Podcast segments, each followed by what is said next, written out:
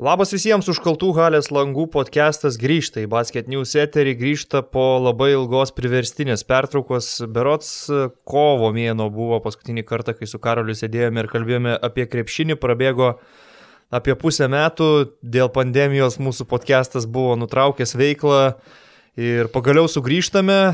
Ta pati sudėtis, Karolis Kadikinas, Rytis Višniauskas ir Karoliu noriu pradėti nuo esminio klausimo, kiek stipriai esi patenkintas, kad šį sezoną dirbsime Local Pub Vilniuje ir nebereikės mums važinėti į Kauną kiekvieną kartą įrašinėti podcast'o. A, sveiki visi, labai džiaugiuosi šio pasikeitimu dėl įvairių priežasčių, ypač laiko taupimo ir, ir, ir, ir visko kito, man atrodo, čia bus geriausias dalykas tiek basketniusams, tiek mums, tiek ir galbūt jums, e, klausytojai, mes nebūsime tokie pavargę, gal būsime labiau neišsimiegoję, nes kartais įrašinėsime ryte, bet nebūsime tokie pavargę ir galbūt būsime kalbesni ir netokie suirzę podcast'o metu. Tai, tai ir Jono Miklovo argumentas buvo, kad geriau padaryti ilgesnį podcast'ą ir daugiau turinio, nei sugaišti laiko įrašų atlikėjams, laidų vedėjams važinėjant pirmin atgal Vilnius Kaunas, tai iš tikrųjų aš irgi labai patenkintas, galim net sakyti, kad e, kaip NBA yra žaidėjo asociacija ir kelia kartais tam tikrus savo reikalavimus, tai čia yra podcasterio asociacija. Ir mes labai turėjom lūkesčių, kad naująjį sezoną galėsime pasitikti įrašinėdami Vilniuje, arčiau namų ir tokia galimybė atsirado, tai labai džiaugiamės ir uh, Dar labiau džiaugiamės, kad yra ta proga ir yra ta platforma, už ką esam žiauriai dėkingi basketniusam, žiauriai dėkingi esam visiems basketniusų patronam, kurie palaiko puslapio gyvybę ir pats, pats Jonas labai patenkintas yra visais tais darbo vaisiais. O kalbėsime mes šiandien, taip trumpai pristatant, daugiausiai apie NBA playoffus, vis dėlto tai yra šiuo metu pagrindinės aktualijos.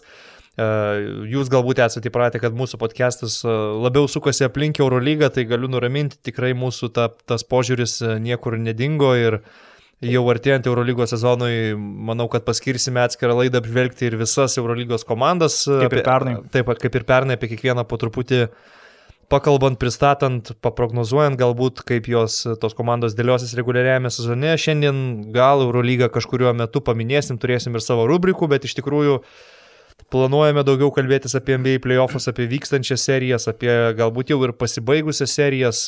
Šviežiai šią naktį aš stebėjau Miami. Paskutinė pergalė serijoje prieš Milwaukee Bucks, kuri baigėsi rezultatu 4-1 Lakers.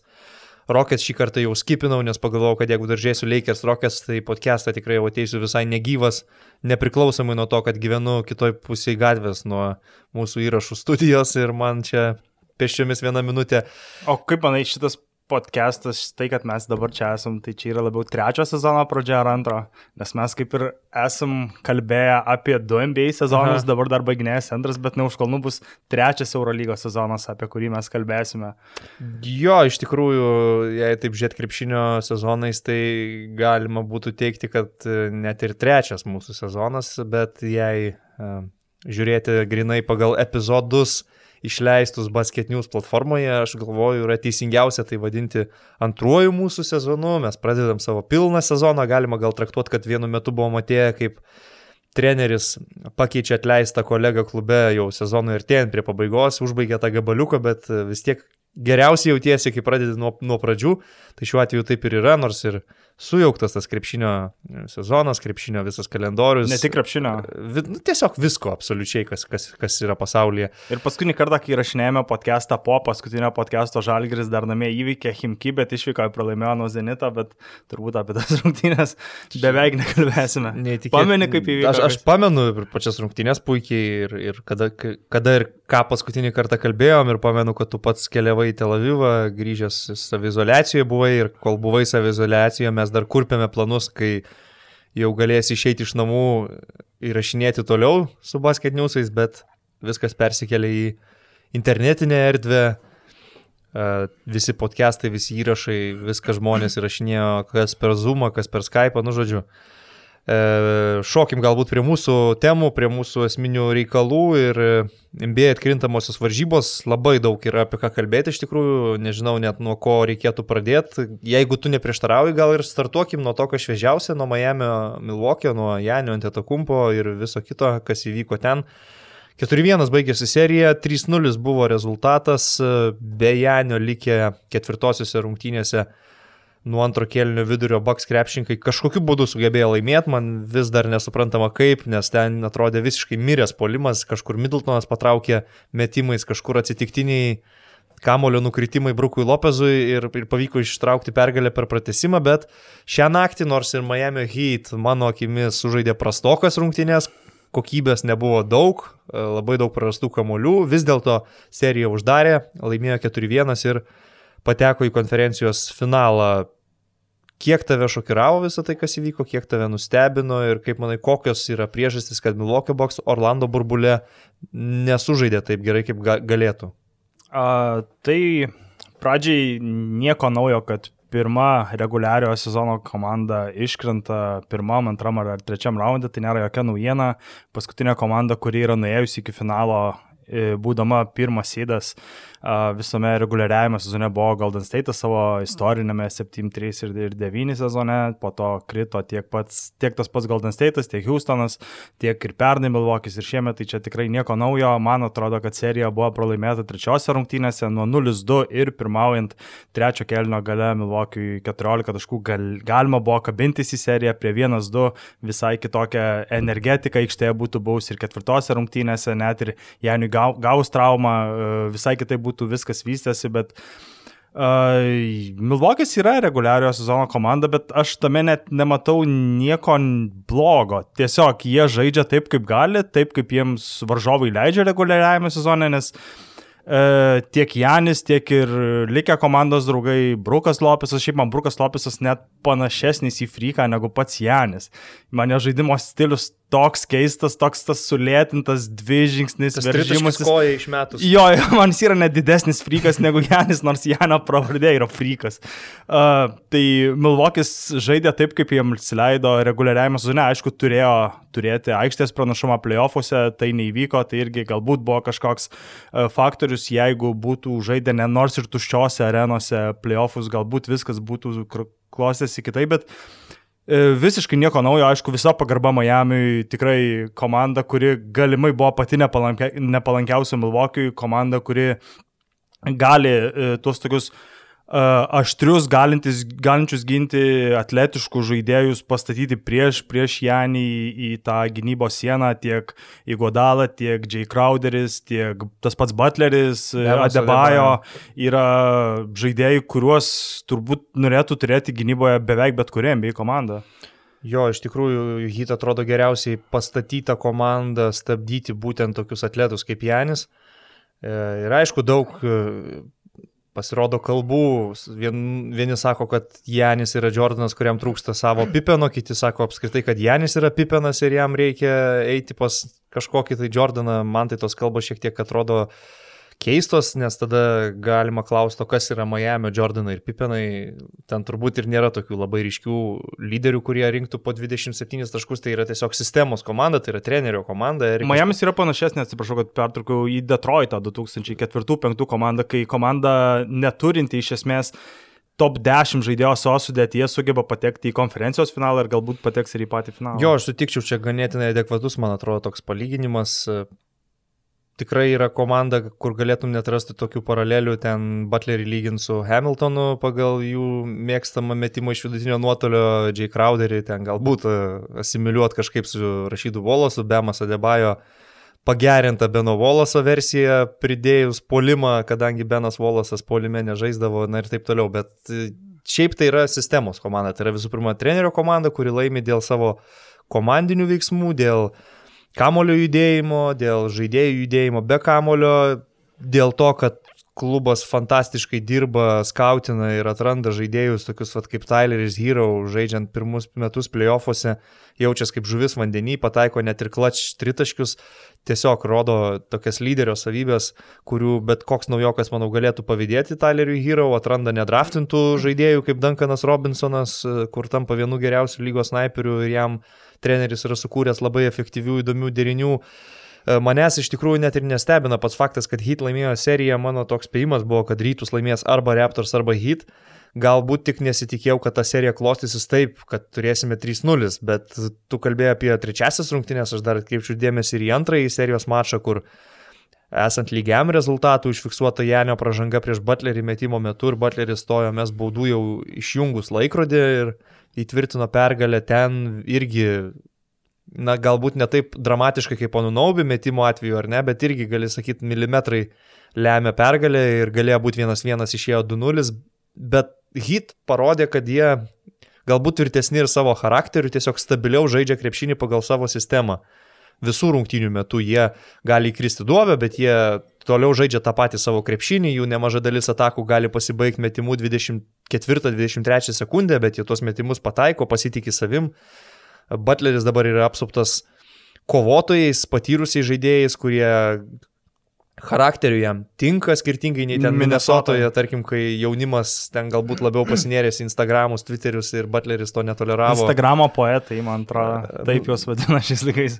Tai va, tai Butleriui ta aplinka buvo netinkama demonstruoti gerą žaidimą, čia jisai susikaupęs, susimotivavęs, Goranas Dragičius patekęs nuo playoffų į starto penketą žaidžia, mano nuomonė, geriausią karjeros krepšinį, sulaukęs 34 iš, apie slovėnus kalbant vis tiek visada kalbam apie Dončičių dabar jau, bet ką daro Dragičius, hit komandoje tai irgi, manau, yra pakankamai įspūdinga, šiuose playoffuose renka berots apie 21 taško vidurkį, ima daug svarbių atakų, svarbių akimirkų, atsakomybės ant savo pečių, tai viską taip sudėjus, aš sakau, man net nėra pats faktas, kad hit laimėjo seriją labai šokiruojantis, galbūt šokiruoja tai, kad pirmavo 3-0, o Bucks ir Janis tuo pačiu susiduria na, su, su ta taisyklė akivaizdžia, kad dominuoti reguliariajame sezone ir efektyviai žaisti playoffas yra du ganėtinai skirtingi dalykai. Playoffuose tu jau žaidži prieš konkrečią komandą kas dvi dienas, kuri konkrečiai daro išvadas po kiekvienų rungtynių, prisitaikymus, strategiją, ieško atitinkamą, kad stabdyt būtent tave ir Janiui vėl išriškėja tie patys minusai, kad jis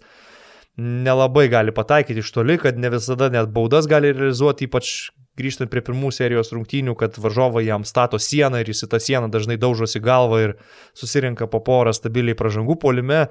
Tie visi dalykai ir žmonės, kai kurie net kelia klausimą, ar mes matėm paskutinį kartą Janį su baks marškinėliais, Panašu, kad jis nuramino, kad bent jau dar tą vieną sezoną, kurį jis turi, iki tapimo laisvojo agentų, jis mato save Milokėje ir mainų neprašys tokia informacija dabar.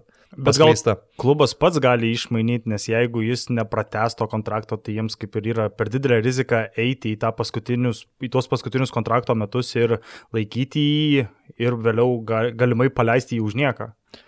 Bet šiaip, kaip tu manai, ar Milokis yra ta vieta, kurioje Janis Antetokumpo šalia savo MVP titulų gali laimėti ir žiedą, žinant tai, kad Milokis nėra ta rinka, į kurią labai nori eiti laisvi agentai, nėra tas miestas, kuriame labai nori gyventi didžiausios žvaigždės. Man, pavyzdžiui, visiškas e, netitikimas komandos sistemos yra toks žaidėjas kaip Erikas Bletsau, kuris tarsi ir turi statusą, bet man antiek netinka ir nesižiūri toj komandai, kur Janis apstatytas e, metikais, snaiperiais, šalia antra žvaigždė Middletonas ir kitas žaidėjas yra Bledsoe, tokia mini Vesbruko versija, kur nepataiko iš toli, varžovai nuo jo rizikuoja ramiai atkrintamosiose varžybose ir man jis visiškai netinka. Žymiai labiau man žiūrėjosi Malcolmas Brognas, kuris anksčiau buvo Milwaukee ir išvyko į, į Pacers. Tai kaip manai, ar jie yra pajėgus aplink Janį suburti čempionišką komandą ir dar kitaip, ar Janis yra ta žaidėjas, aplink kurį iš tikrųjų geriausia yra burti čempionišką komandą ir ar jis turėtų įsilieti į kitą klubą, kur gal nebūtų pirma žvaigždė, kaip Golden State pavyzdžiui, bet turėtų geresnį šansą laimėti. Man atrodo, kad kalbant apie Janį, ypač pastaruoju metu labai pamirštama, kokio jis yra amžiaus. Jam dar tik 25 metai, jis jau bus už, už, už galbūt už, už poros dienų, gal iki kitos savaitės jau du kartus tapęs MVP. Tai yra uh, istoriniai skaičiai, ką šį sezoną rinko reguliariajame sezone, e, net ir Bobas Myersas, e, vienas iš Golden State, gal bendras savininkų, ar Džiemas, ar ne, nepasigilinau. Džiemas, man atrodo. E, sakė, kad reguliarus sezonas ir playoffai yra du visiškai skirtingi dalykai kaip ir kaip, beveik kaip skirtingos sporto šakos. Ir dėl to, kad Janis renka tuos istorinius skaičius e, reguliariajame sezone, visiškai nereiškia, kad jis lygiai tokiam pačiam stiliui dominuos ir playoffuose. Be to dar reiktų nepamiršti, kad šį sezoną e, Milokis, kaip jau sakiau, prarado aikštės pranašumą, be to buvo tarp rungtynių 4-5 mėnesių pertrauka, kas irgi visiškai sulygino e, komandų galimybės. Dėl to e, aš manau, kad e, Janis yra tas žaidėjas artimiausius dešimt metų, kuris kiekvieną sezoną, jeigu netraumos, e, aplinkys sulibdžius net ir tokį kolektyvą, koks buvo šiemet, galima būtų pretenduoti į playoffus, o reiktų nepamiršti, kad Blecau su Dragičium kartu žaidė Phoenix'e ir man atrodo, kad va, ta maža detalė, jeigu būtų galima Milogui pasilikti ne Blecau, o Dragičių į komandą, man atrodo, kad e, Milokis būtų galėjęs bent jau iki konferencijos finalo eiti ir galimai net būtų metęs didelį iššūkį vakarams e, finale. Nu taip, aš manau, kad jiems labai trūko dar vieno kūrėjo, ballhandlerio tokio, kuris gali organizuoti visą žaidimą, pataikyti metimus, įsiveršti į baudos aikštelę ir galima prisiminti, kad pernai jie turėdami Malcolmą Brogdoną vis dėlto žaidė konferencijos finale ir pirmavo 2-0. Tai buvo žymiai geriau nei rezultatas pasiektas čia Orlando burbulė. Burbulė, tiesą sakant, jie nuo pat pradžių, užbaiginėjant dar reguliaraus sezono gabaliuką, atrodė prastai. Su Orlandu man jie netrodė gerai, nors ir laimėjo 4-1, bet jautėsi, kad nežaidžia jie taip laisvai, kaip norėtųsi. Apie Janį kalbant, kol kas toks, koks jis yra, aš netikiu tiesą sakant, kad jis gali būti čempioniškos komandos superžvaigždė, bet jeigu tu jį įpašytum į Golden State Warrior šalia geriausių visų laikų metikų Stefo Curry ir Klėjaus Thompsono, manau, kad e, būtų visai kita situacija, kur jis galė, turėtų daugiau kam numetinėti kamolius, būtų kam kurti atakas, jeigu ir jis tuo metu galbūt straglina aikštelėje ir, ir tada aš galbūt kalbėčiau šiek tiek kitaip. Bet e, manau, kad jeigu ateitų Janis į Golden State, tai vis tiek būtų Stefo Kari komanda, mano akimis. Tarkim... Tai jo, jo, tai niekada nebuvo Duranto komanda, net kai jis yra atėjo ir pasėmė du MVP apdovanojimus. Tai buvo Stefo, Kleus ir gal net greičiau Dreymondo komanda negu KD. Nors, tarkim, Janis antitokumpo visus dalykus, kuriuos daro Dreymondas, daro dar geriau, su dar ilgesniem rankom ir dar daugiau atletiškumo, tai yra gerokai patobulinta Dreymondo Grino versija ir aš įsivaizduočiau, kad jeigu Janis antitokumpo ateitų į Golden State Warriors, net nelabai būtų reikalo turėti Dreymondą Greeną. Aš nežinau visos kontraktų situacijos, kiek ten ir ką reikia sustumdyti, kad tai būtų įmanoma. Gal net būtų galima viens ant vieno keisti. Um, nu, Nes jų kontraktų sumos panašios, bet kadangi Dreymondo kontraktas ilgesnis, tai gal ne, ne, aš irgi nežinau. Aišku, Janis po metų pretenduoja jau ten Supermaxą pasirašyti ir turi jį pasirašyti. Jis 2021, priminsiu, tampa nepribotų laisvojų agentų, kol kas dar vis priklauso Milwaukee ir čia per keistą terp sezonį rudenį turės turbūt klubo vadovai irgi su juo pasikalbėti, kokie yra ateities planai, kas yra mąstoma ir galbūt pasakyti Janiui, kad mes galime pastiprinti sudėti, pakeisti vieną kitą žaidėją, mainų būdų prisivilioti kažką, kas labiau tiktų sistemai. E, kaip ir sakiau, tikrai yra gerų detalių mano akimis, bet tokie vad kaip Blėsau man taip jau netinka į visą tą jų kūriamą projektą. E, bet tokiai, okay, Baigėsi sezonas Milwaukee Bucks reguliariojo sezono nugalėtojams, 4-1 Miami's konferencijų finale. Pelnytai, įrodė savo pranašumą, negali sakyti, kad serija tai baigės dėl Janio traumos, nes Janių žaidžiant buvo 3-0, tai Aš dar trumpai tik norėjau pasakyti apie Janį ir tai, kad Janis užspringo, galima sakyti, playoffuose, irgi yra nieko naujo, nes o kuris 25 metų, 26 metų e, žaidėjas taip dominavęs e, reguliariajame sezone neužspringo playoffuose. E, Novickis 2007 turėjo geriausią Dalaso komandą ever ir iškrito pirmam rate nuo, nuo, nuo Golden State'o. Ir Novickis yra vienintelis MVP iškritęs pirmam playoffų rate. Lygiai tas pats buvo su Lebron 2009-2010. E, du metai išėlės MVP apdovanojimai, du užspringimai playoffuose. Galima grįžti dar atgal į, į nežinau, Steve'ą Nešą. Lygiai tas pats buvo su, su Phoenixu. Krito playoffuose. Jau net nekalbant apie paskutinius du laimėtojus, kurie nėra Janis. Tai, tai būtų Westbrookas ir Hardinas. Lygiai tas pats buvo, užspringo playoffuose, iškrito, dėl to visiškai nieko naujo. Na, Westbrookas ten, tarkim, kad iškrito, tai jis iškrito žaisdamas silpnesniai komandai. Jo, ta, nu tai MVP sakau, gavo, net nekalbant apie tai. MVP gavo grinai dėl surinktų skaičių ir išpūstos statistikos, bet turbūt, kad uh, yra racijos ir tame, kad uh, kiekviena žvaigždė turi praeitą pralaimėjimų kelią ir susivokti, kaip skiriasi reguliarus sezonas nuo playoffų ir aš sutinku, kad 25 žaidėj, metų žaidėjas dar yra labai labai jaunas. Man atrodo, žmonės pamiršta e, Janio amžių dėl to, kad atrodo jis jau taip ilgai žaidžia NBA. Jis atėjo į lygą 18, buvo pats jauniausias žaidėjas lygoje ir net patikrinau, Janis jau buvo du sezonus sužaidęs NBA tada, kai jo komandos draugas Devincenzo tik pradėjo žaisti NCAA.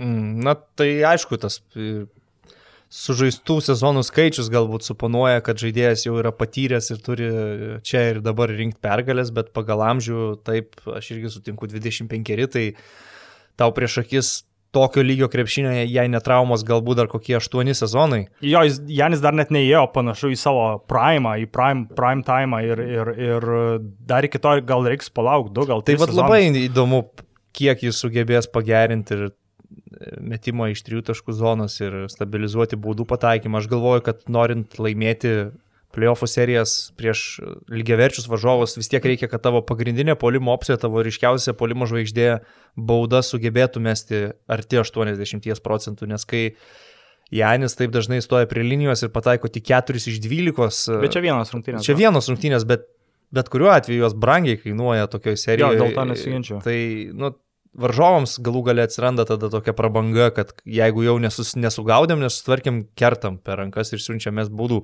Ir man atrodo, Jano metimas iš tritaškio net nėra toks blogas. Jis, pavyzdžiui, prieš Orlandą metė 40 procentų. Jo metimų selekcija yra tai, ties kuo jam reikia dirbti, o net ties pačiu metimu, nes būna e, rungtynių ir, ir playoffuose dabar prieš Miami buvo, kai jis tiesiog atsivaro ir gal nežinau, čia perimta Bledsoe įtaka, kuris irgi tą patį darydavo, atsivaro penktą, šeštą atako sekundę ir per rankas metą iš septynių metrų. Metim, Kam to reikia? Metimų selekcija ir galbūt kažkiek psichologija, man taip susidaro įspūdis, kad, jis po vieno plytinio tritaškio, kai kamuolys atsimuša į lanką, dar daugiau blogų sprendimų iš viso to priema ir atrodo šiek tiek pasimeta ir praranda galbūt pasitikėjimą to savo metimu. Bet kokiu atveju mes kalbam apie geriausią žaidėją, gal net visų laikų geriausią atviroji aikšteliai, įspūdingiausią atletą.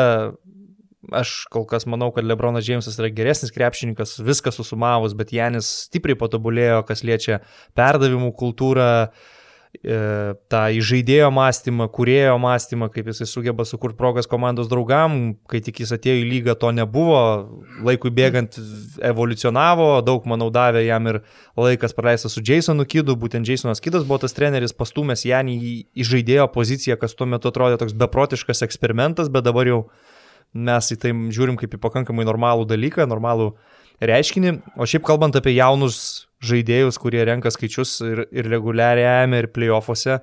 Ir nespringsta tai aš. Reguliariai. Ir nespringsta to pačiu, tai na, aš vis tik paminėčiau Luką Dončičių, nors ir pralaimėjo jis kliperiams rezultatu 4-2, bet man atrodo, jis toje serijoje visam pasauliu parodė, kad tai nėra šiaip savo žaidėjas surinkęs statistiką reguliariam sezone. Jis buvo pasiruošęs žaisti prieš klipers, prieš uh, galbūt geriausia perimetro gynyba, geriausiai apstatyta komanda dengti tokius kaip jis e, visoje lygoje šiuo metu. Skaičius darė, game winneriai įmetė, žaidžiant be Porzingio tempė komandą, taip pralaimėjo 4-2, bet mano nuomonė, jam tai buvo žiauriai gera serija. Apie Luką gal dar trumpai pakalbėsiu vėliau, nes apie jį būtent ir, ir susukau savo būsimą rubriką, bet uh, Buvo žiauriai jokinga, kaip prieš playoffus, jiems prasidedant Lukos klausinio, tai kai ar tu pajautiesi pasiruošęs playoffams, tai tavo pirmos playoff rungtynės.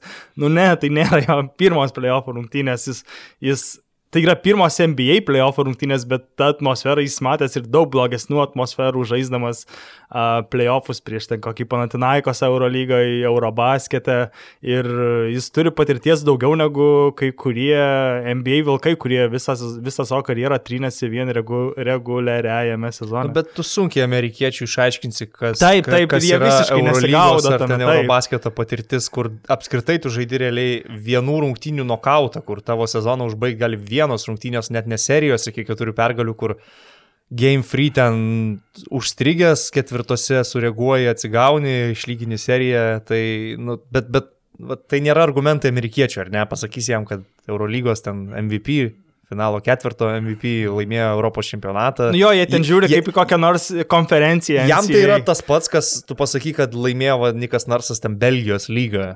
Jie maždaug panašiai suvokia tą Europos krepšinį. Jo, ir ne, nesupranta, kad Luka ten nuo 15 metų žaidė su žaidėjais, kurie anksčiau žaidė NBA, kurie turi NBA patirties ir, ir tai jam buvo žiauriai naudinga ir jis praėjo tą visą mokyklą, būdamas tokio amžiaus, kur, kuriame jis net, nežinau, tarkim, po, po pergalių tapdamas čempionas jis net negalėdavo gerti.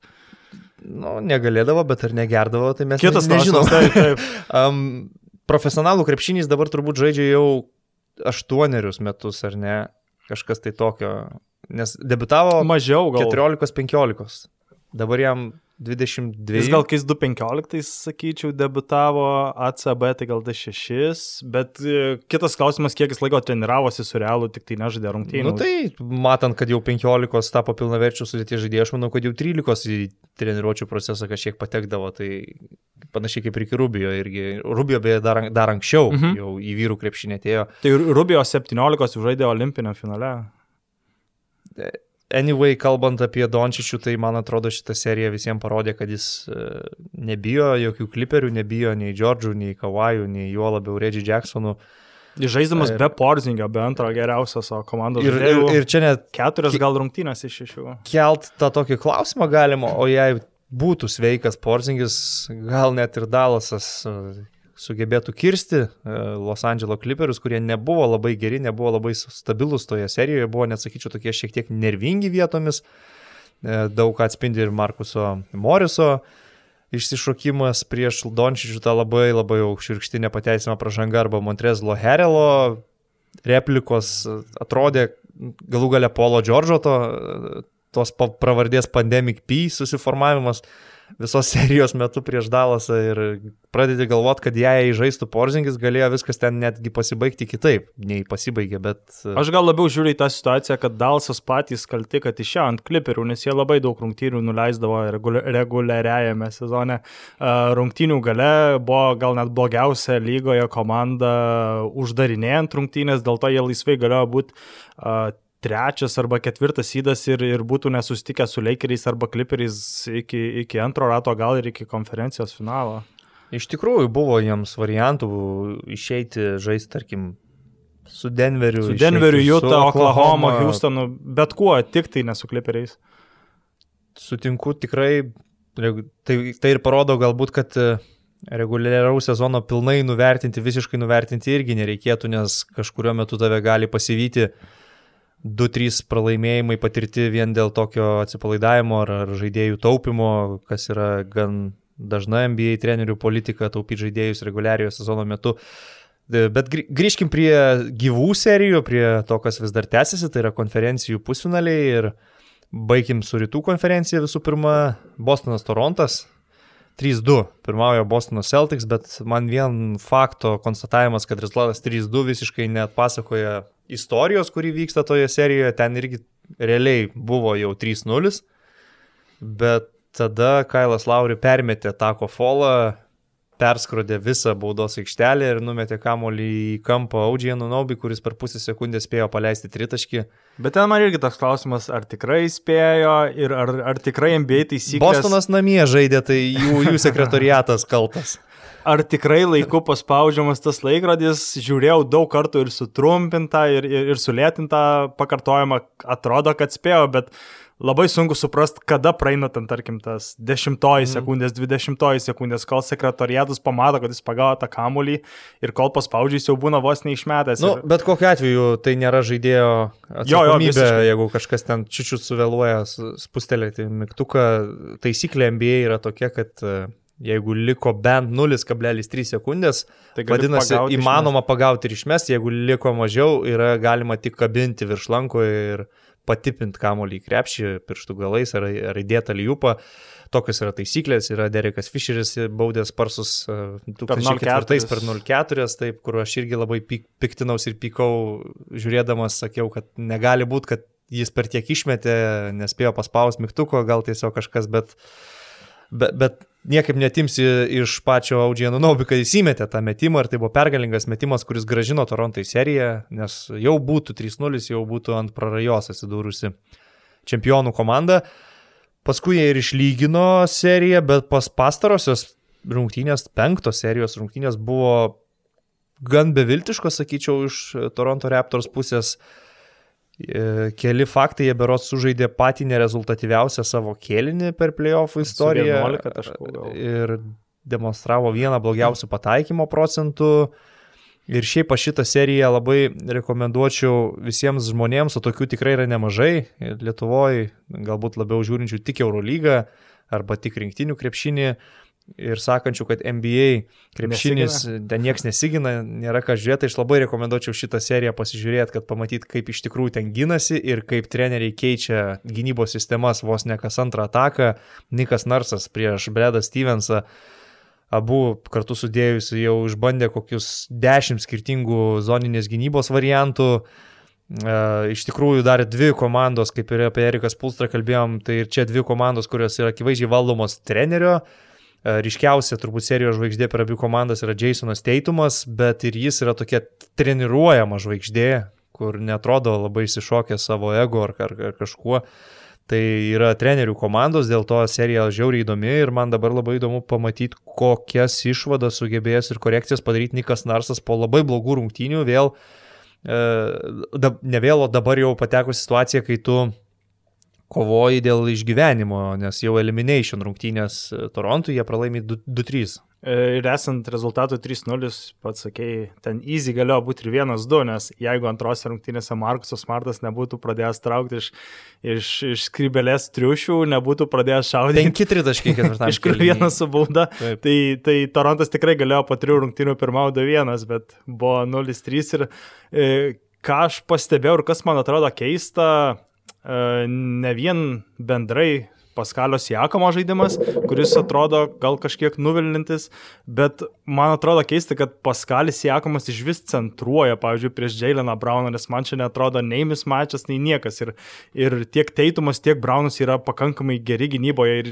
Siakamas neturi tokio didelio apgaulingų judesių arsenalo žaisdamas nugarą, kad, kad jis galėtų, nežinau, būna kas, kas antrą, kas trečią ataką tiesiog centruoti ir, ir vis tiek mes tą savo į dešinę pusę pasisukus puskabliką, pavyzdžiui, Jokičius daro tobulai kitoje serijoje ir, ir man iš vis keista, kad Sijakumas centruoja, galim būtų gal kitokių variantų paieškoti polime. Buvo ketvirtos serijos rungtynės, kai tas centravimas labai pasiteisino, jis tos puskablius įmetė ir kairė, ir dešinė ranka, ir mismečų gaudavo ne tik prieš Brauną, buvo, kad su ten Kemba Walkeriu, tarkim, nusileidžia į, į baudos aikštelę.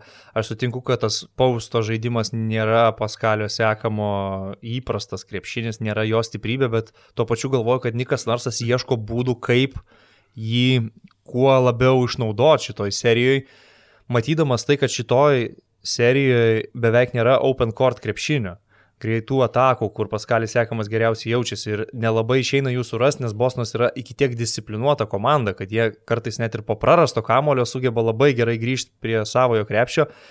Ir tu turi tada išnaudoti kažkaip Paskalio sekamo kūną poziciniam krepšinėje iš toli jis pataiko prastai, labai nestabiliai. Ir turbūt Nikas Narsas galvoja, kad vienintelis būdas jam būti efektyviam yra būtent žaisti per paustą. Kiek tai yra efektyvu, čia jau yra diskusijos objektas. Aš manyčiau, kad tose vienose rungtynėse ir pasiteisino to, tokia polimo strategija. Kita vertus, Jeigu tu nori žaisti kitaip, tau labai reikia, kad Fredas Van Vlytas ir Kailas Lauri pataikytų iš toli, o kol kas jie šitoje serijoje meta ganėtinai prastų procentų, išskyrus tokius trumpalaikius blikstelėjimus. Uh, jų taiklumas nėra labai geras.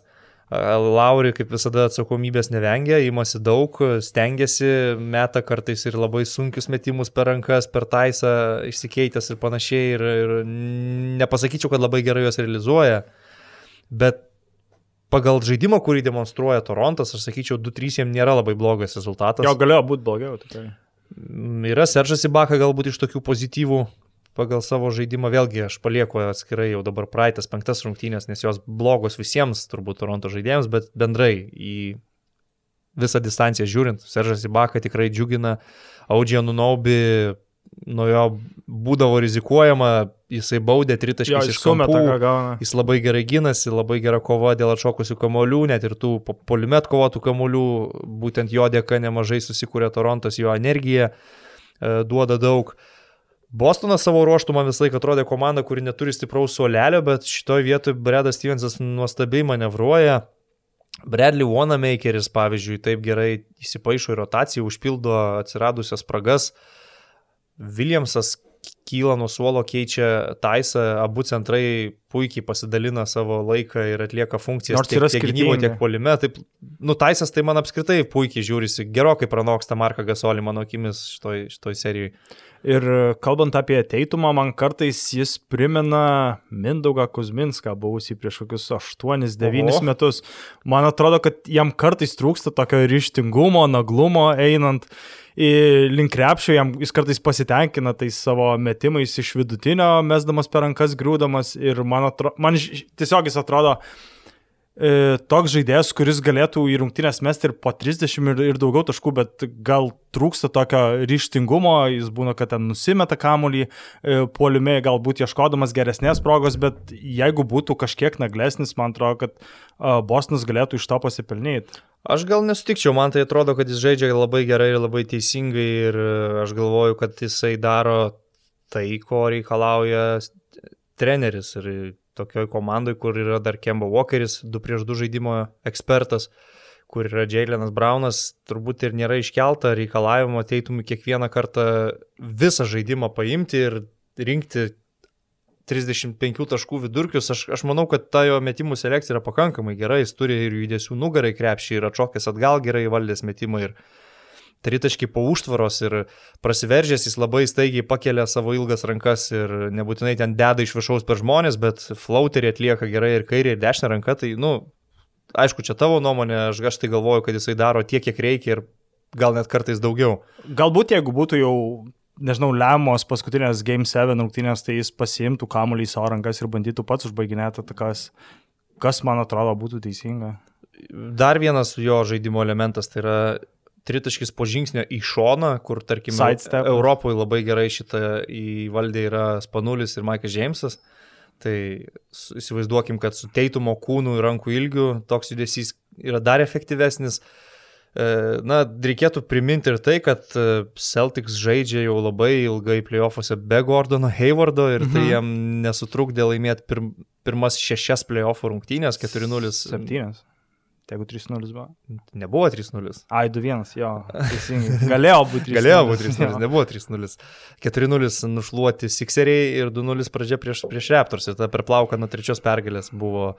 Be Gordo Haywardo daro visą tai, bet iš tikrųjų, kai Haywardas patyrė traumą, aš e, kaip svečias dalyvavau NBO podcast'e su, su Roku Grajausku ir išsakiau savo tokią nuomonę, kad nelabai mes pajausim Gordo Haywardo trūkumą, nepaisant jo 16 taškų vidurkio, vien dėl to, kad pagal įtaką ir polime, ir gynyboje bendrai kartu sudėjus, mano akimis yra maždaug šeštas pagal svarbumą žaidėjas Bostone. Ir tai, kad Markusas Martas išeina į starto penketą, atsakant į varžovų gynėjų tandemą Van Vlytas Laurį yra netgi didelis pliusas, aš sakyčiau, Bostonui. Tai man asmeniškai Haywardo netekties visiškai nesijaučia, stebint Bostono žaidimą ir manau, kad nepasijaus, kad ir kiek giliai eitų playoffuose. Nežinau, jis gali grįžti teoriškai turbūt. Tarkim, Gal į finalą. į konferencijos gali. finalą galbūt, bet klausimas, kokios formos jis būtų. Dabar jis yra savizolacijoje jau Orlando burbulė, jis yra grįžęs, jam yra suteiktos visos priemonės izolia... izolacijoje dirbti individualiai, jis jau yra tarsi atsigavęs, bet kol kas dar neturėjęs jokio kontakto su kamoliu, su komandos draugais, tai klausimas, ar, jis, ar jį pamatysim dar šituose playoffuose. Ir Haywardas turbūt yra brangiausias Bostono žaidėjas, nes jį buvo dėta labai daug vilčių persiviliojant jį iš Jutos, bet viską sugriaujo tos pirmos rungtynės oficialios Pirmos rungtynės. minutės netgi. Jo, jo, su, su, su Bostono apranga prieš Klyvlendą išvykoje, kai, kai buvo patirta žiauri trauma ir uh, jis po jos gal nėra, kad šimtų procentų ir, ir buvo Ne, jis tapo, tapo tokiu grinai spot apmetikų šitoj komandai, kas vėlgi nėra labai blogai, nes ir, ir be jo yra kam valdyti kamolį, ypač kai Kemba Walkeris atvyko, tai nebūtinai tas yra blogai, bet faktas, kad tokio Gordono Haywardo, koks jis buvo paskutinius metus Jūtoje, mes tikrai nematom ir turbūt jau nematysim dėl, dėl jo traumų. Ir Haywardas turbūt jokių problemų nekelia, nes nuo, nuo koledžo laikų treniruoja į tas pats treneris, nu, ne, ne nuo koledžo laikų, bet koledže treniruoja tas pats treneris, kurį, kuris treniruoja ir dabar, ir, ir dėl to, manau, yra ta, tas connectionas tarp trenerio ir žaidėjo. Bostonas šiaip atrodo suburti tokie žmonės, kurių prioritetas yra komandinės pergalės ir, ir kiekvienas turi savo rolę, gan aiškę rolę ir nepanašu, kad būtų labai nepatenkintų, nepanašu, kad Jalenui Brownui būtų problema pasitraukti į Teitumo šešėlį ar, ar panašiai. Tie trys didieji mohikanai komandos Kemba, Braunas, Teitumas, man atrodo, viens prie kito puikiai jaučiasi ir jie, pavyzdžiui, stebint bendravimą aikštelėje, atrodo, kad žiauriai gerbė tokį, tokį žaidėją kaip Taisas, kuris daro visus tos mažus dalykus, e, kurių kai kurie centrai galbūt nenori daryti ir pritingi daryti, bet Taisas viską atlieka, kur reikia keičiasi gynyboje, kur reikia eina į pagalbą, gali pasaugot lanką, staigiam rankom blokuoti metimus, taip jį teoriškai gali stumdyti tokie centrai kaip Embidas, bet nebuvo tas didelė problema ir žaidžiant su Filadelfija, Bostonui, jie ten pakankamai užtikrintai laimėjo 4-0. Ir visi trys žaidė už rinktinę, gal ir ten prieš ateinant Kembai į Bostoną, iš Šarlotės vis tiek gal uh, gerai praleido laiką Kinijoje, nors ir nelaimėjo medalių, bet... Ir smartas dar buvo. Jo, keturiese buvo Bostonas, galvojau, pamiršau dar vieną žaidėją, dėl to, man atrodo, ta integracija naujos žvaigždės į komandą ilgai neužtruko. Na, aišku, Kemba yra kitokio turbūt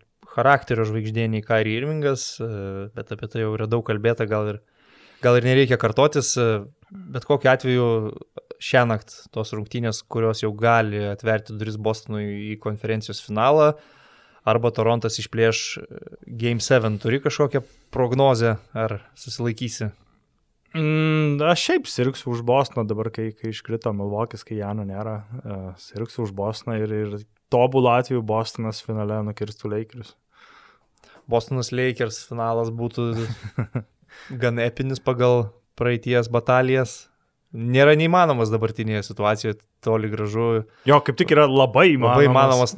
Na, šiaip man atrodo, bet kuri serija, ar bus Bostonas, Miamis, ar Torontas, Miamis, bus žiauriai gera kova. Vėlgi, trenerių kova, pradėsiu nuo to.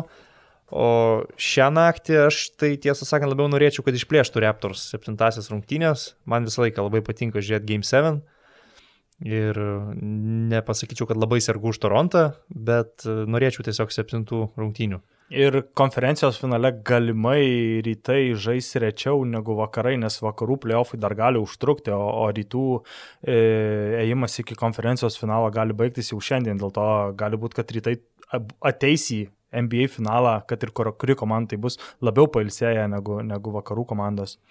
Taip, Orlando burbule, kaip sakyti, sąlygos nestandartinės ir tas faktorius, kad kažkas žaidė trumpesnę seriją, kažkas ilgesnę, man atrodo ganėtinai reikšmingas.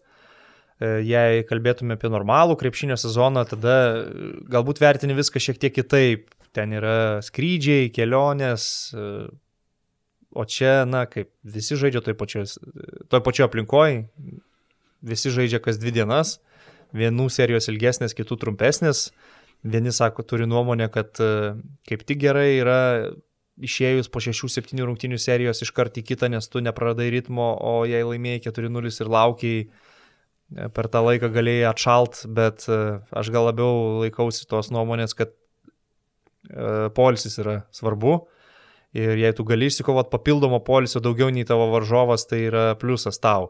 Panašiai taip ir klostėsi viskas vakarų konferencijoje, į kurią dabar persikelkime, kur dvi Los Andželo komandos uh, laimėjo greičiau nei jų dabartiniai varžovai. Clippers įveikė Dalasą 4-2, tuo tarpu Denveris su Jūta žaidė iki galo 7 rungtynės, Lakers 4-1 įveikė Portlandą, o Houstonui irgi reikėjo 7 rungtynių tam, kad nugalėtų Oklahoma. Pradėkim nuo Lakers, kurie šią naktį išsiveržė į priekį serijoje 2-1. Pradėjo pralaimėjimais abi serijas Lebrono komanda, Lebrono ir Anthony Daviso komanda bet e, prieš Portland laimėjo keturis iš eilės, ar manai, kad gali taip 4-1 finišuoti ir su Houstonu? Manau, Houstonas bus e, rimtesnis oponentas negu Portlandas. E, manau, kad jie turi dar vie, bent vieną pergalę šioje, šioje serijoje. Tas jų small ballas ir, ir pataikyti tritaškiai, manau, dar su, sugros šioje serijoje, nes tie tritaškai ne visada priklauso nuo varžovo. Jeigu Houstonas pataikys kaip, kaip e, antrose, man atrodo, rungtynėse, Houstonui pirmaujant 1-0, trečiajame kelnyje Houstonas sumetė per vieną kelnį 9 tritaškius. Tai čia net ne nuo Lakerų priklauso, kaip tą dieną pataikys Houstonas ir jeigu Houstonas pataikys, jeigu uh, West, Westbrickas uh, nedarys nesąmonę. Šiąnakt 30 taškų. Ai, šią, šią naktį nemačiau. Antrose rungtynėse tai ten buvo katastrofa, bet šią naktį 30. A, jo, okei, okay, šiandien, sorry, ne, nepasidomėjau. Tai manau, kad Houstonas turi dar vienas rungtynės, dar turi vieną gerą pataikymo e, iš toli konkursą šioje serijoje, bet toliau jų einančių nematau. Ne, toliau einančių aš irgi nematau. Aš kaip tik ir spėčiau, kad bus šešių rungtynių serija, kaip ir tu sakėjai, mane galbūt stebina iš gerosios pusės Houstono gynyba. Aš nekalbu apie tos tritaškius, tai jie žaidžia taip, kaip ir tu tikėjai, kad žais polime. Ir nieko ten labai naujo nepamatėm, bet e, gynyba būtent buvo raktas į pergalę su Thunderiais serijoje. E, dėl gynybos jie laimėjo pirmasis rungtynės ir prieš Lakers ir gynyboje jie visai normaliai laikėsi net ir antrosiose rungtynėse, trečiųjų dėja ne, nežiūrėjau, kurios įvyko šią naktį, bet uh, pažiūrėjus į play by play, į box score, irgi galima matyti pan, pa, panašų dalyką, kad ir antrose rungtynėse, ir trečiose, po trečio kėlinio Lakers neturėjo jokio pranašumo. Arba lygų, arba netgi Houston Rockets minimaliai pirmavo. Antrose rungtynėse Houstonas atsigavo nuo minus 21 ir po trijų kelinių buvo priekyje. Taip kad uh, tas 2-1 irgi atrodo netoks jau užtikrintas ir ganėtinai trapus, įvertinus, kaip klostėsi rungtynės, kokia buvo jų eiga ir su kokiais iššūkiais susiduria Lakers.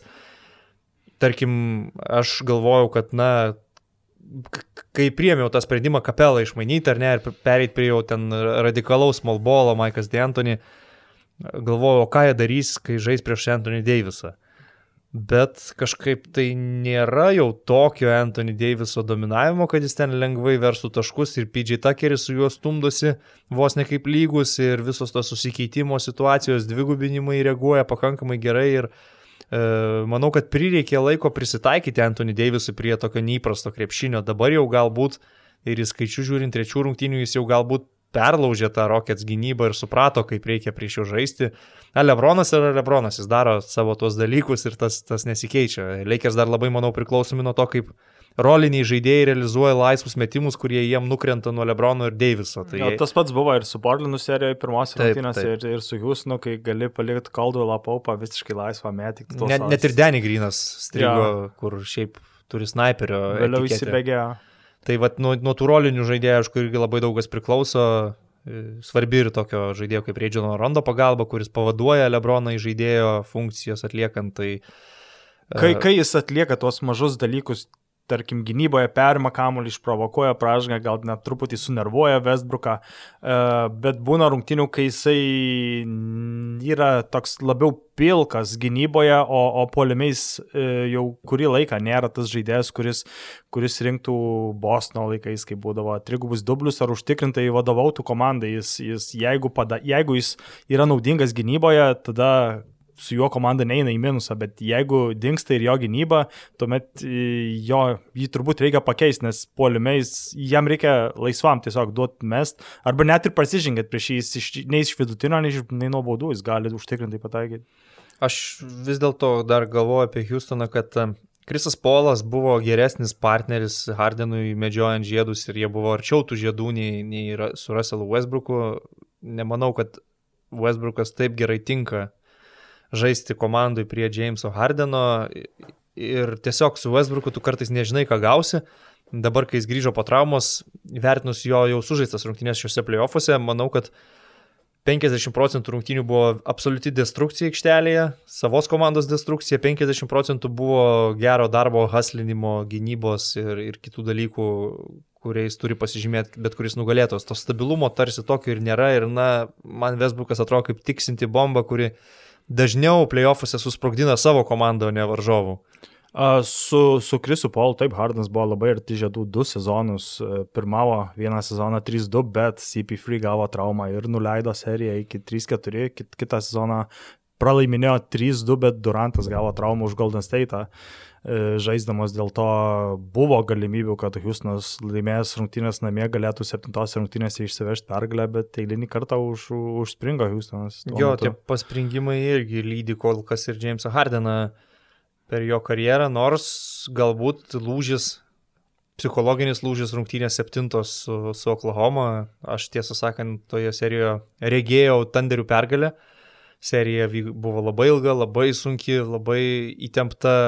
Buvo toj serijoje atradimų, tokių kaip Lugensas Dortas, kaip Hardeno stoperis, bet vis dėlto išlindo raketos ir Westbrookas tas pats septintų rungtynių pabaigas sužaidė labai solidžiai.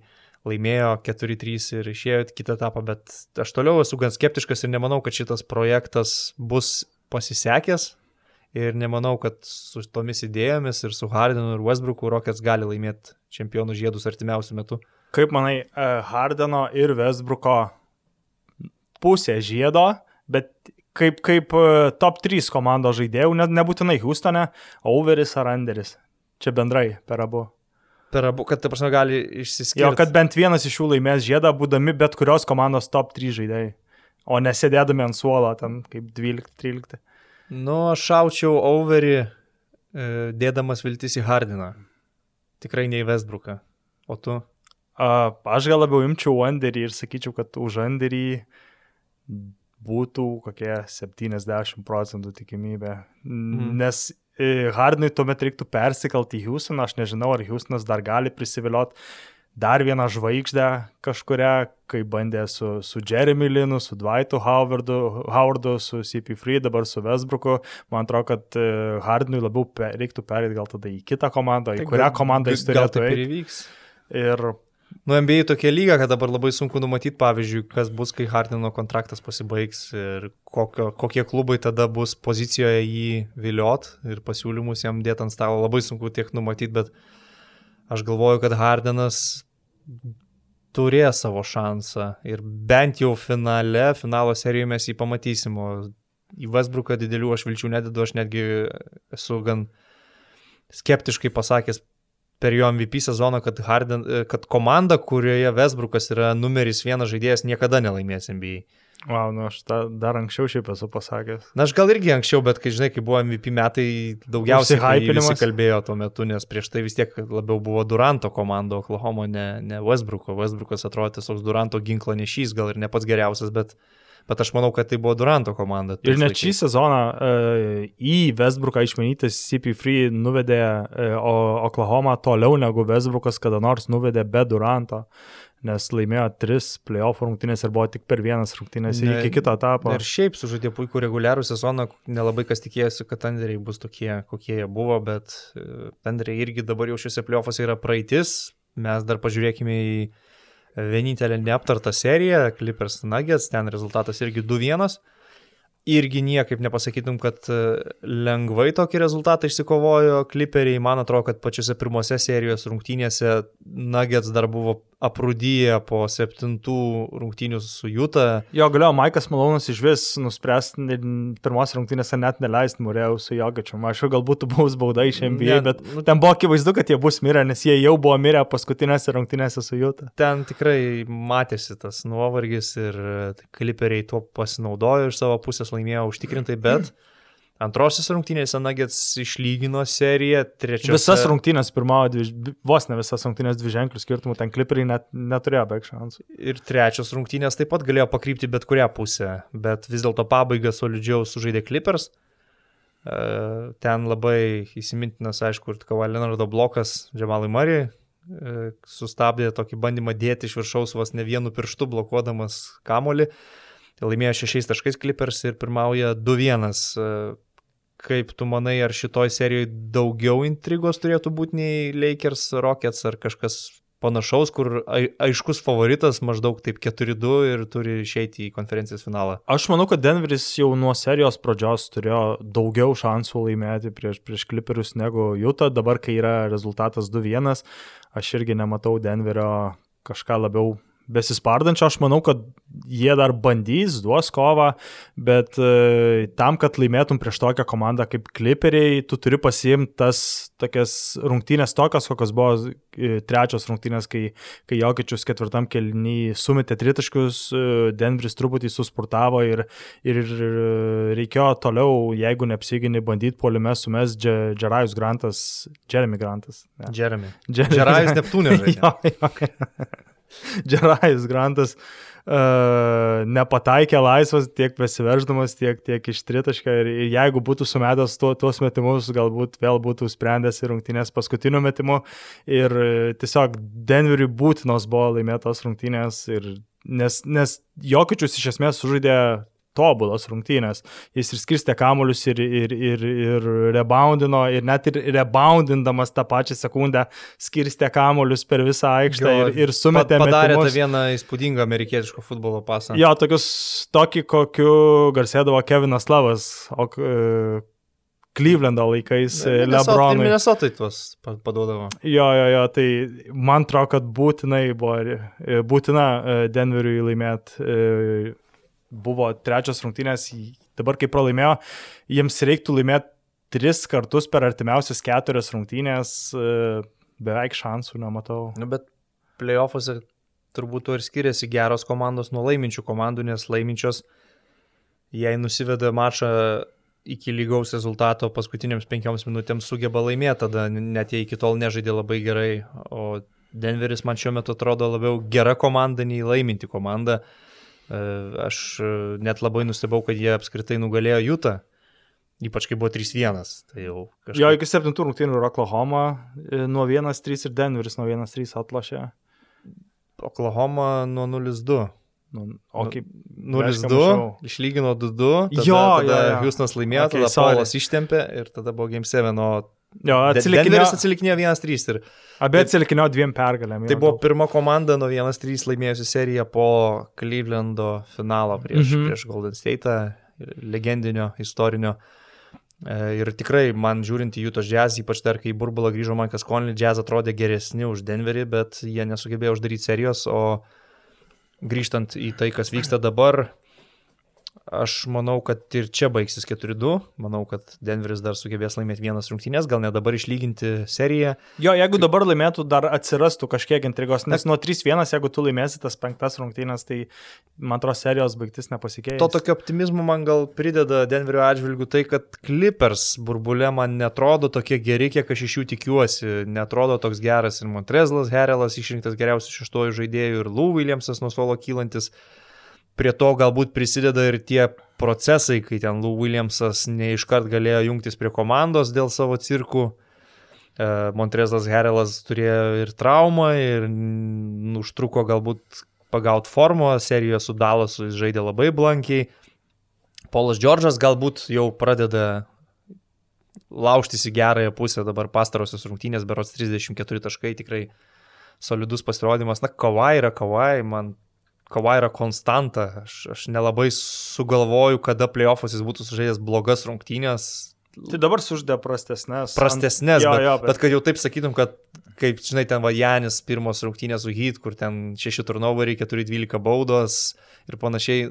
Kawai nelabai pasitaiko tokių slystelėjimų, jis tą savo stabilumo uh, kreivė išlaiko daug maž. Ir Clippers gal net kažkiek keistai e, patys atrodo, kad jaučiasi labai užtikrintai, nors su šita sudėtim, su šita komanda jie niekada nieko nėra įrodę ir tai yra pirmas sezonas ir lygiai tas pats buvo reguliariajame sezone, kai jie labai užtikrintai net ir, tarkim, pralaimėjo dvi rungtynės toliau, e, leisdavo ilsėtis arba Polui Džordžui, arba Kawai ir, ir visiškai didelio dėmesio nekreipė į, į tą e, rezultatą aikštėje, nes jautėsi tiek užtikrintai, kad, kad playoffai ateis ir mes vis tiek parodysime. Aišku, jie žiauriai gerai apsistatė, tai mano akim yra vienintelė iš dabar playoffinių komandų, kur realiai gali laisvai 10 ar net 11 žaidėjų rotaciją e, naudoti Dokas Riversas po to, kai sezono metu pavyko prijungti Morisą ir Jacksoną. Tai jie taip pagilino sudėti, kad atrodo apstatyti tobulai, turi viską, ko reikia, turi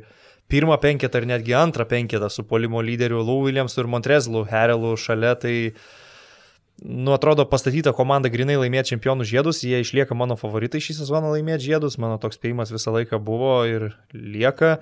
E, nors ir, kaip sakau, kol kas mano, mano akimis jie nežaidžia taip gerai, kaip galėtų. Apie reguliarų sezoną kalbant, tai tiesiog jų visą reguliarų sezoną apibūdina ta, ta žodžių junginys load management, tai yra Doko Riverso politika, žaidėjams netrodo, kad jį trukdo, Kawhi Leonardas ar tai Polo Džordžas turbūt nebando žaisti ant MVP apdovanojimų, jiems reikia titulų. Ir dėl to taupimo reguliariame sezone žaidėjai netrodo labai nepatenkinti, tik tai yra tų nuomonių, kad žmonės, kai kurie ekspertai netgi taip galvoja, uh, kad eiti į playoffus taupimo režimu sužaidus reguliarui nėra pats geriausias dalykas, bet šiuo atžvilgiu galbūt serija su Dalasu jiem jau padavė tą toną, kaip reikia žaisti playoffuose ir viskas turėtų būti gerai žiūrint į priekį. Tai va, Denveris, Clipperiai ir, irgi šią naktį žais savo ketvirtasias rungtynės ir aš manau, kad gali Denveris išlyginti seriją vien jau tuo, kad Mari ir Jokičiaus žaidimas 2 prieš 2 nėra labai patogus dengti Clipperiams. Clippers galbūt patogiau yra vienas prieš vieną dengti kažkokias didelės žvaigždės, kai jie turi patys Kavajų, Džordžą, Patriką Beverly. Bet kai reikia stabdyti tokias kombinacijas 2 prieš 2, na, Be abejo, Negets atakuoja Zubacas, Zubacas leidžiasi į baudos aikštelę, tai atlaisvina metimų iš vidutinio nuotolio Marį. Jokičius šiuose pliofuose tritaškius labai aukštų procentų įmeta. Kol kas, jo. Tai labai praplečia polimą. Tai man tas jų 2 prieš 2 atrodo gan stiprus ginklas prieš Clippers gynybą. Ir jeigu Zubacą pakeičiai dėl, dėl baudų arba, tarkim, dėl prasto žaidimo gynyboje, išeina Montrezalas Heralas, kurį Jokičius po krepšių gali apstumdyti ir išprovokuoti pražangas. Taip. O, tai aš labai norėčiau, kad, kad, rungtynį, kad serija iš vis nueitų iki septintų rungtynių, nu, jeigu ir septintose rungtynėse būtų blowoutas, koks skirtumas, bet kad bent jau būtų intriga, bet uh, nu, ne šiais metais, man atrodo. Jeigu vėlgi būtų serijos žaidžiamos savo aikštėse ir, ir Denveris būtų pasėmęs vienas rungtynės e, Los Andželė, tuomet atvykti kliperiams e, į Denverį, man atrodo, būtų buvę daug sunkiau ten laimėti rungtynės negu dabar Orlande.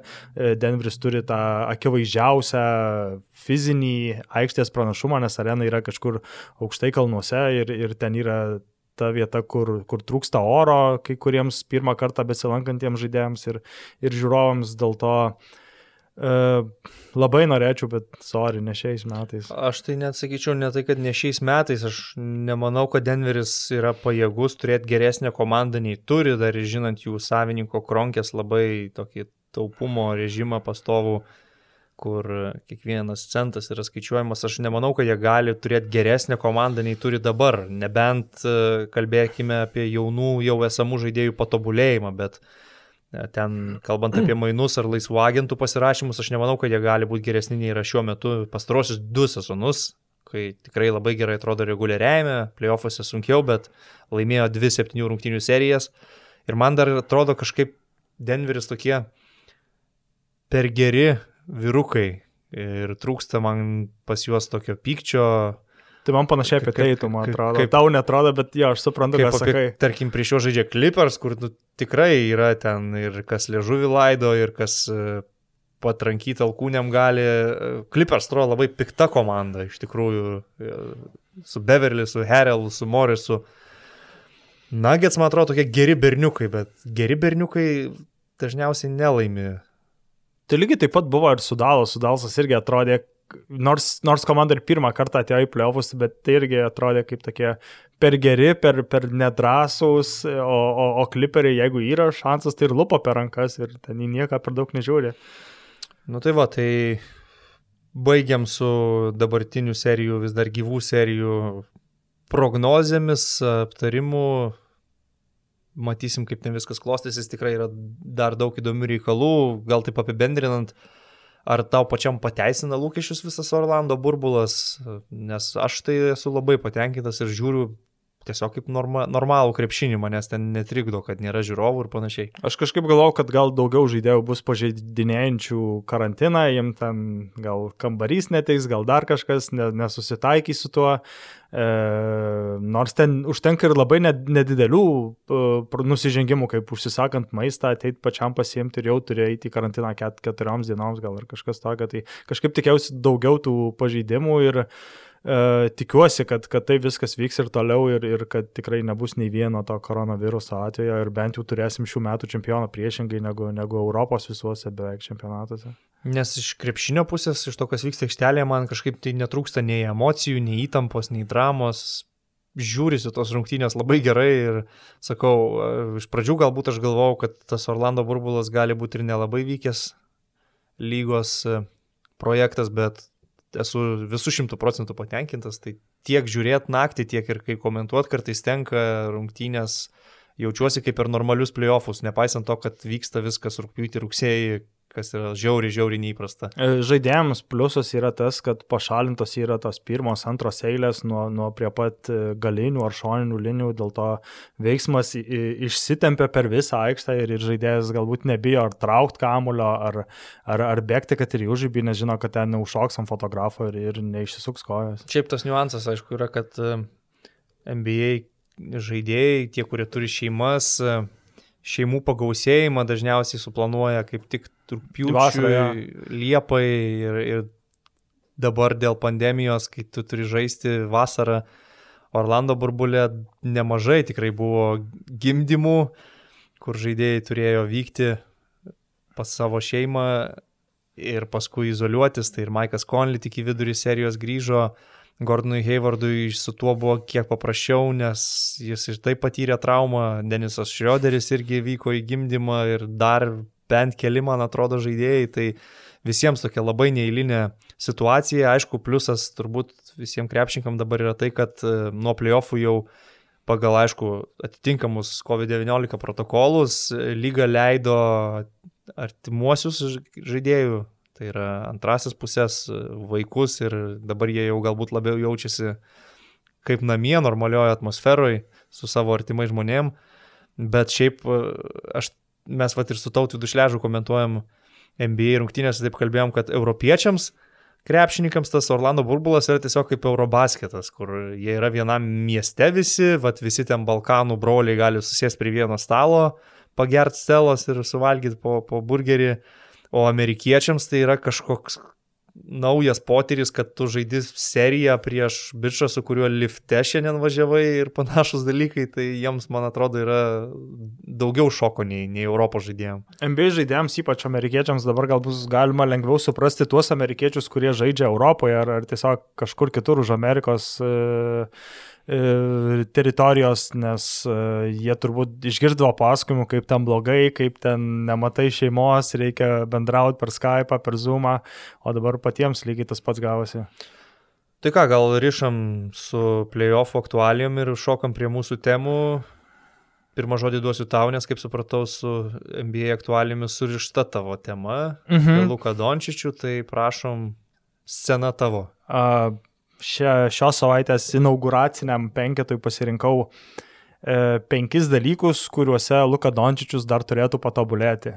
Man labai patiko jo žaidimas Orlando burbulė ir šiaip visą sezoną tikrai uh, žiauriai gera buvo matyti, ėjo ir ant uh, Most Improved apdovanojimo ir turbūt buvo labai arti ir, ir tarp to finalinio trejeto dėl MVP, bet ne vieno apdovanojimo nelaimėjo ir tiesiog išsiskyriau penkis dalykus, kuriuose man atrodo, kad Luka dar turėtų patobulėti. Tai pirmas, tiksliau gal pen, pen, penktoje vietoje, gal toks labiau ne, ne patobulėjimo, tiesiog uh, patarimas, man atrodo, kad Luka turėtų kuo mažiau žaisti už rinktinę, jeigu jis nori NBA turėti legendinę karjerą, jeigu jis nori NBA laimėti žiedus, galimai būti geriausias ne tik savo pozicijos visų laikų žaidėjas, bet net ir, e, net ir apskritai galimai į top 10 ar top 5 visų laikų patekti, man atrodo, kad jis labai atsargiai turėtų rinktis vasaras, kuriuose jis kurias jis praleis su savo nacionalinė komanda. Jam FIBA padeda nežaisti rinktinėje. Tai va, ir, ir man atrodo, tai labai nu, šiam sezonui labai padėjo tai, kad jis praėjusią vasarą neždė pasaulio čempionate, nes pati Slovenija ne, nepateko ir, ir pailsėjo. Ir man atrodo, visi matėme, kaip gerai Domantas Sabonis atrodė 17-18 sezone, kai 17 nežaidė Eurobasketį ir, ir Čia tiesiog yra toks plotas, kur tu prieš amerikiečius nepašokinėjasi, nes amerikiečiai susirinka į savo rinktinės e, savaitį, dviems, e, Las Vegase nueina į kazino, e, biški pasitreniruoja, tada varo į turnyrą, greitai sužiūrė per tiek daug nepervargsta, kiek, kiek kitų šalių e, komandos, ypač Slovenija, kai, kai Slovenijoje, Slovenijos rinktinėje Dončičius turėtų žaisti turbūt net daugiau keturių, keturiuose dešimties minučių keliniuose, negu Dončičius žaidžia NBA keturiuose dvylikos minučių keliniuose. Dėl to man atrodo, kad jam labai reiktų išsirinkti e, vasaras, kuriuose jis žais rinktinėse. E, bet aišku, lygiai taip pat norėčiau Dončičių pamatyti kitą vasarą Lietuvoje žaidžiant prieš Lietuvą olimpinėje atrankoje. Mhm. Na, tas argumentas šiaip nėra naujas apie žaidėjus, kad jiems kartais e, geriau paimti vasarą be rinktinės. Daug kalbama yra apie tos NBA didžiuosius e, talentus iš Europos. Galima, tarkim, jau žiūrėti ir į veteraną, tokį Marką Gasolį, kurį, man atrodo, pasivėja dabar pastovų žaidimas rinktinėje ir netgi jau veterano amžiaus po NBA finalų serijos žaidimas pasaulio taurės turnyre, kur aišku užkovotas pasaulio čempiono titulas ir tai viską tarsi atsveria, bet šiame sezone Markas Gasolis man jau atrodo pasenęs per vienus metus kokiais trim metais. Dončičius dar žinoma labai jaunas, bet iš esmės sutinku, kad e, susidėliojant prioritetus, tarsi tavo prioritetas turėtų būti olimpinės žaidynės ir tu gali skipinti. Ir jis jau yra laimėjęs vasaras. Europos čempionatą, tai. Bet tuo pačiu su dabartiniu FIBOS kalendoriumi, kaip sakant, kartais už tave nusprendžia, kad tu nežaisi rinktinėje, kalbant apie NBA žaidėją. Tai nebūtinai jam bus blogai, jeigu, jeigu praleis tą vasarą. Jo karjerai NBA lygoje, tai aišku, kad nebus blogai, bet e, Luka Dončičius, aišku, labai myli Sloveniją ir aš manau, kad jisai nori žaisti rinktinėje. Tai aš nebejoju, kad jis nori tiesiog.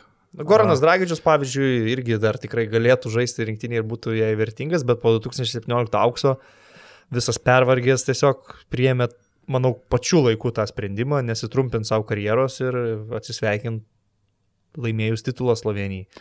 Ketvirta vieta, man atrodo, kad Dončičiui reiktų pagerinti savo tiek komandinę, tiek asmeninę gynybą, nes mes e, žiūrėdami kartais juokiamės iš Trejango, kaip jisai ginasi, jis yra blogiausias istorijoje NBA statistinis gynėjas ir žiūrėdamas Orlando burbulą pamatydavau, kad Dončičius kartais dėl emocijų, uh, um, dėl neužbaigtos atakos tiesiog negrįžta į gynybą arba leidžia varžovui išsimest laisvą tritaškį, nors galėtų iškelt ranką, panašiai kaip aš kieme žaisdamas. Dėl to man atrodo, kad, kad uh, Dončius turėtų dar pagerinti tą gynybą ir, ir tai yra vienas, viena iš tų sferų, kur dar jam reikėtų tobulėti. Nu, bet aš dar ir galvoju, kad yra faktas, jog atletų lygoje vienas prieš vieną gintis labai gerai jam ir sudėtinga, jis turbūt ir nebus super atletas, ten pats greičiausias, pats šokliausias. Tie mąstymo dalykai, kuriuos tu paminėjai, tos detalės, tai be abejo viskas yra pataisoma ir galbūt čia tiesiog brandesnio požiūrių reikia, bet e, aš nemanau, kad Luka Dončičius per karjerą NBA lygoje taps elitinių gynybos žaidėjus. Gali būti neblogas gynybos žaidėjas, bet elitinių neįsivaizduoju. Mm, čia gal reiktų tada prisiminti, pavyzdžiui, Stefą, kai jis karjeros pradžia, pradžioje buvo mąstoma, jog jis bus tiesiog skylė gynyboje, jis niekada nebuvo elitinis gynėjas ir to iš jo net nereikalaujama, bet jo tikslas yra būti tuo žaidėju, kuris bent jau nebūtų blogas gynyboje. Tai man atrodo, kad Dončiui tai yra labai tikrai pasiekiama. Tada trečia vieta, man atrodo, kad Dončiui reikėtų, tai turbūt yra ir ketvirtos vietos išdava. E, geriau tvarkyti su emocijomis. Jis, man atrodo, per daug turi savyje to tokio jugoslaviško, ispaniško mentaliteto, galbūt per daug komentuoti ir, ir kalbėti su teisėjais, komentuoti kiekvieną uh, epizodą, galbūt kartais net ir uh, kaip jau sakiau, negrįžtant į gynybą ir, ir per daug emocijų savyje laiko, galbūt tikisi, kad, kad jau yra prieaugęs iki tų superstar kolų NBA lygoje, man atrodo, kad iki to dar jam trūksta. Ir tiesiog geriau valdyti emocijas savo ir, ir emocijas nuteikti tinkamą linkmę. Na, čia galima sutikti, bet tuo pačiu aš galvoju, kad tie žaidėjai, kurie jau tokie yra, iš savęs patys labai stringi ir emocingi, jie tokie ir lieka visą laiką, nes išėjus į aikštelį jie kitaip tiesiog negali. Pažiūrėkim ten, tarkim, į Dreymondą Greeną, kaip jis elgesi ir kaip kartais netgi paveda komandą su savo techniniam pražangom atkrintamųjų varžybų metu.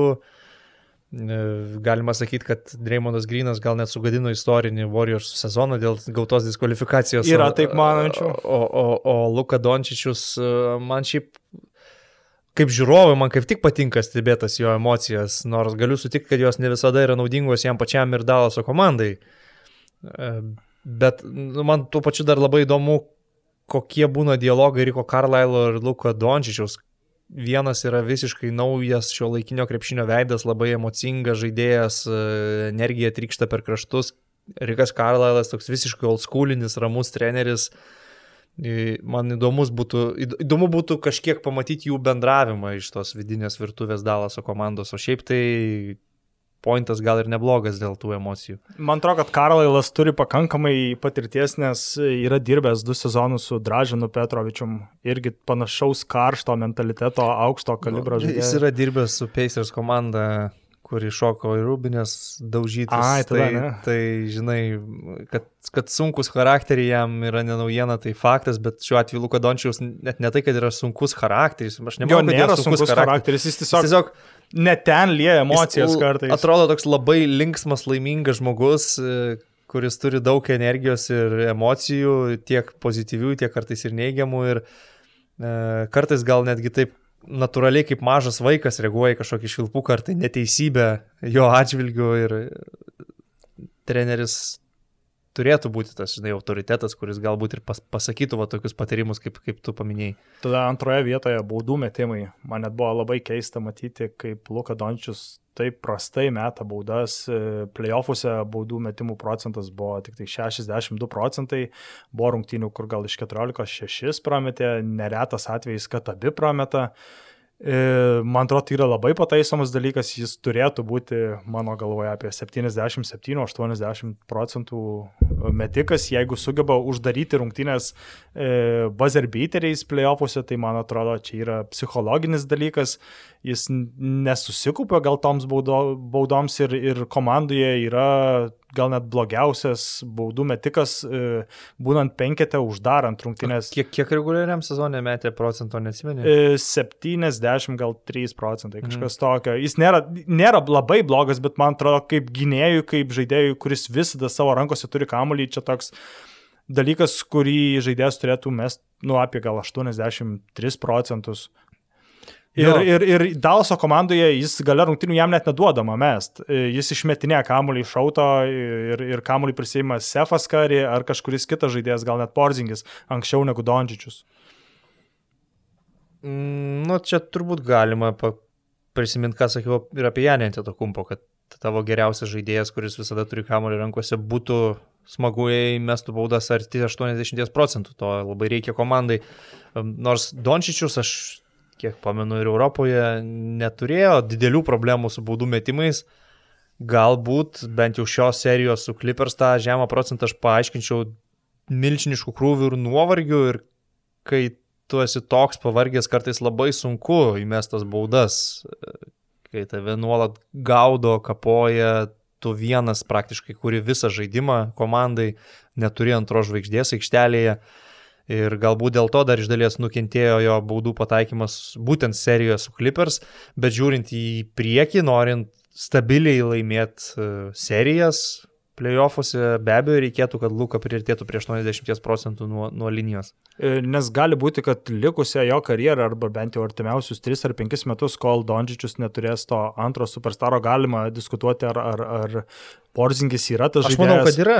E, Tai gali būti, kad, kad e, ilgą laiką Dončičių ir, ir gaudys ir jis visada bus pavargęs ir pavargusiam reiks mes baudas. Jo, aš manau, kad Porzingis yra antras superstaras, bet um, tiesiog tai yra priekinės linijos žaidėjas, tai nėra antras ball handleris, galbūt sakykime taip, nes įprastai tam e, super žaidėjui, kuris valdo komandą, tokiam kaip Dončičius, kur žaidžia nuo pirmos iki trečios pozicijos teoriškai, e, pagalbos reikia aikštelėje iš antro įžaidėjo, antro kūrėjo, nes Porzingis, na, nėra kūrėjas, tai yra super duomenų aukšta ūgis, kuris praplečia aikštelę, pataiko iš labai giliai tritaškius ir daro daug žalos važiuojant po krepšiu.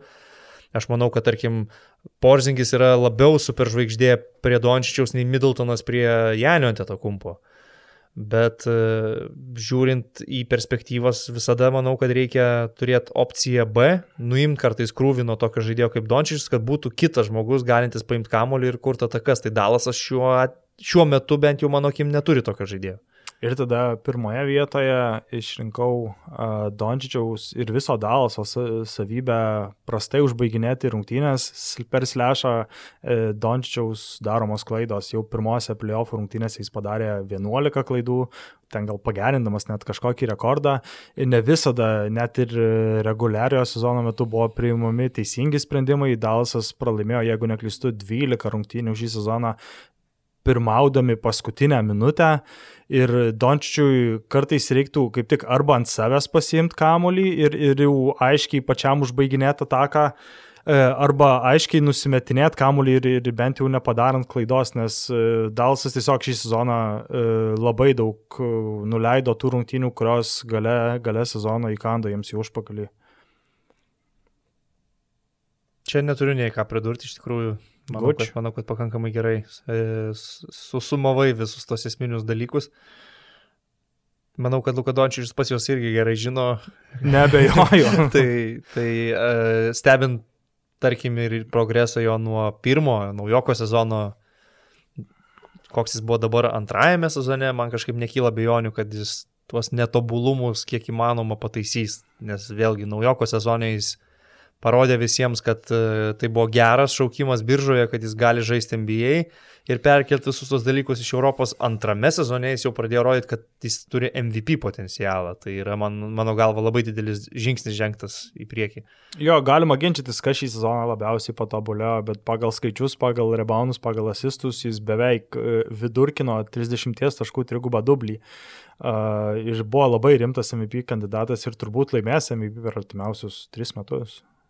Spėčiau. Per penkis galbūt, bet tikrai turėtų, per, per karjerą tikrai turi laimėti MVP toks Lukadončičius, koks jis yra, o tas, na, labiausiai patobulėjusių žaidėjų apdovanojimas, kaip ir kai kurie kiti apdovanojimai, kur balsuoja žiniasklaidos atstovai ar ne, na, man, man tai kartais atrodo toks truputėlį sukurtas naratyvas ir jo reikia laikytis, kad viso sezono metu, tarkim, eini su tuo, kad Ingramas yra labiausiai patobulėjęs, tai kai jau ateina metas balsuoti, tu ir balsuoji už Ingramą, praignoruodamas galbūt kai kurios kitus žaidėjus, kurie objektyviai galėtų atrodyti irgi.